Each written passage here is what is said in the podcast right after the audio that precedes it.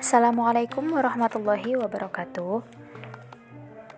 Kepada yang terhormat Ibu Anggi Nurul Baiti selaku dosen pengampu mata kuliah pengembangan kurikulum di semester 6.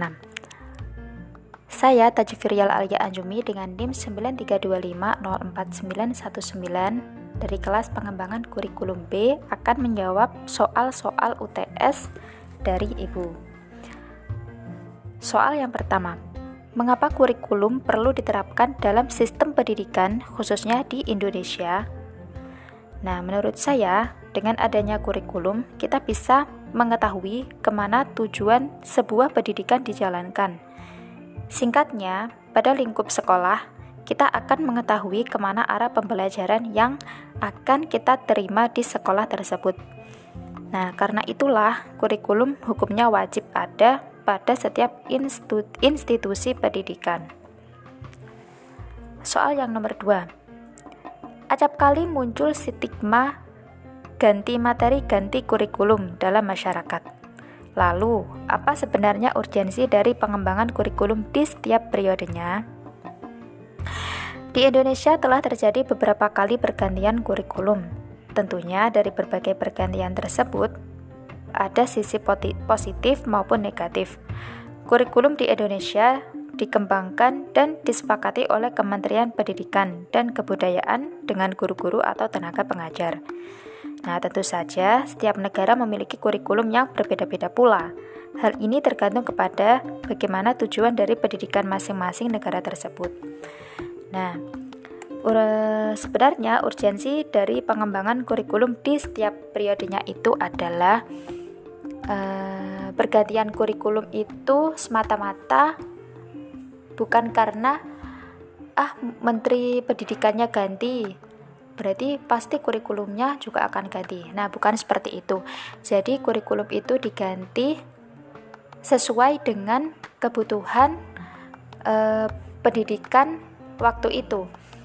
Jadi uh, adanya kurikulum baru itu mengevaluasi dan memperbaiki kurikulum yang telah diterapkan sebelumnya, kemudian diperbaiki dengan kurikulum yang baru. Nah, seperti itu. Mungkin uh, jawaban saya seperti itu. Kemudian soal yang nomor tiga. Menurut saudara, sebagai calon pendidik bahasa Arab yang telah mengenyam pendidikan sampai saat ini, kurikulum yang bagaimanakah yang paling sesuai diterapkan pada mata pelajaran bahasa Arab. Nah, menurut saya, eh, selama saya mengenyam pendidikan selama ini, kurikulum yang pas sesuai dengan mata pelajaran bahasa Arab itu adalah kurikulum KTSP 2006. Karena eh, tujuan pembelajarannya sesuai dengan aspek kompetensi yang diharapkan.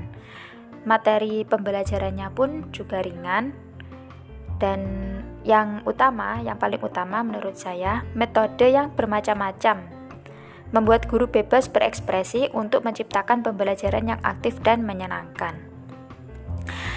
Karena dalam pelaj e, mata pelajaran bahasa Arab itu ada ada enam maharoh ya.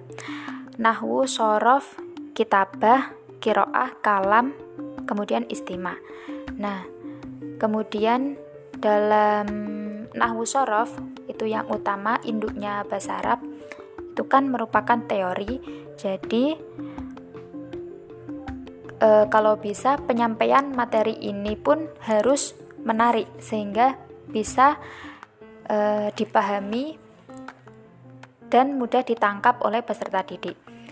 Nah, karena kalau kurikulum 2013 itu metode penyampaian materi yang digunakan oleh guru harus sesuai dengan materi yang akan disampaikan.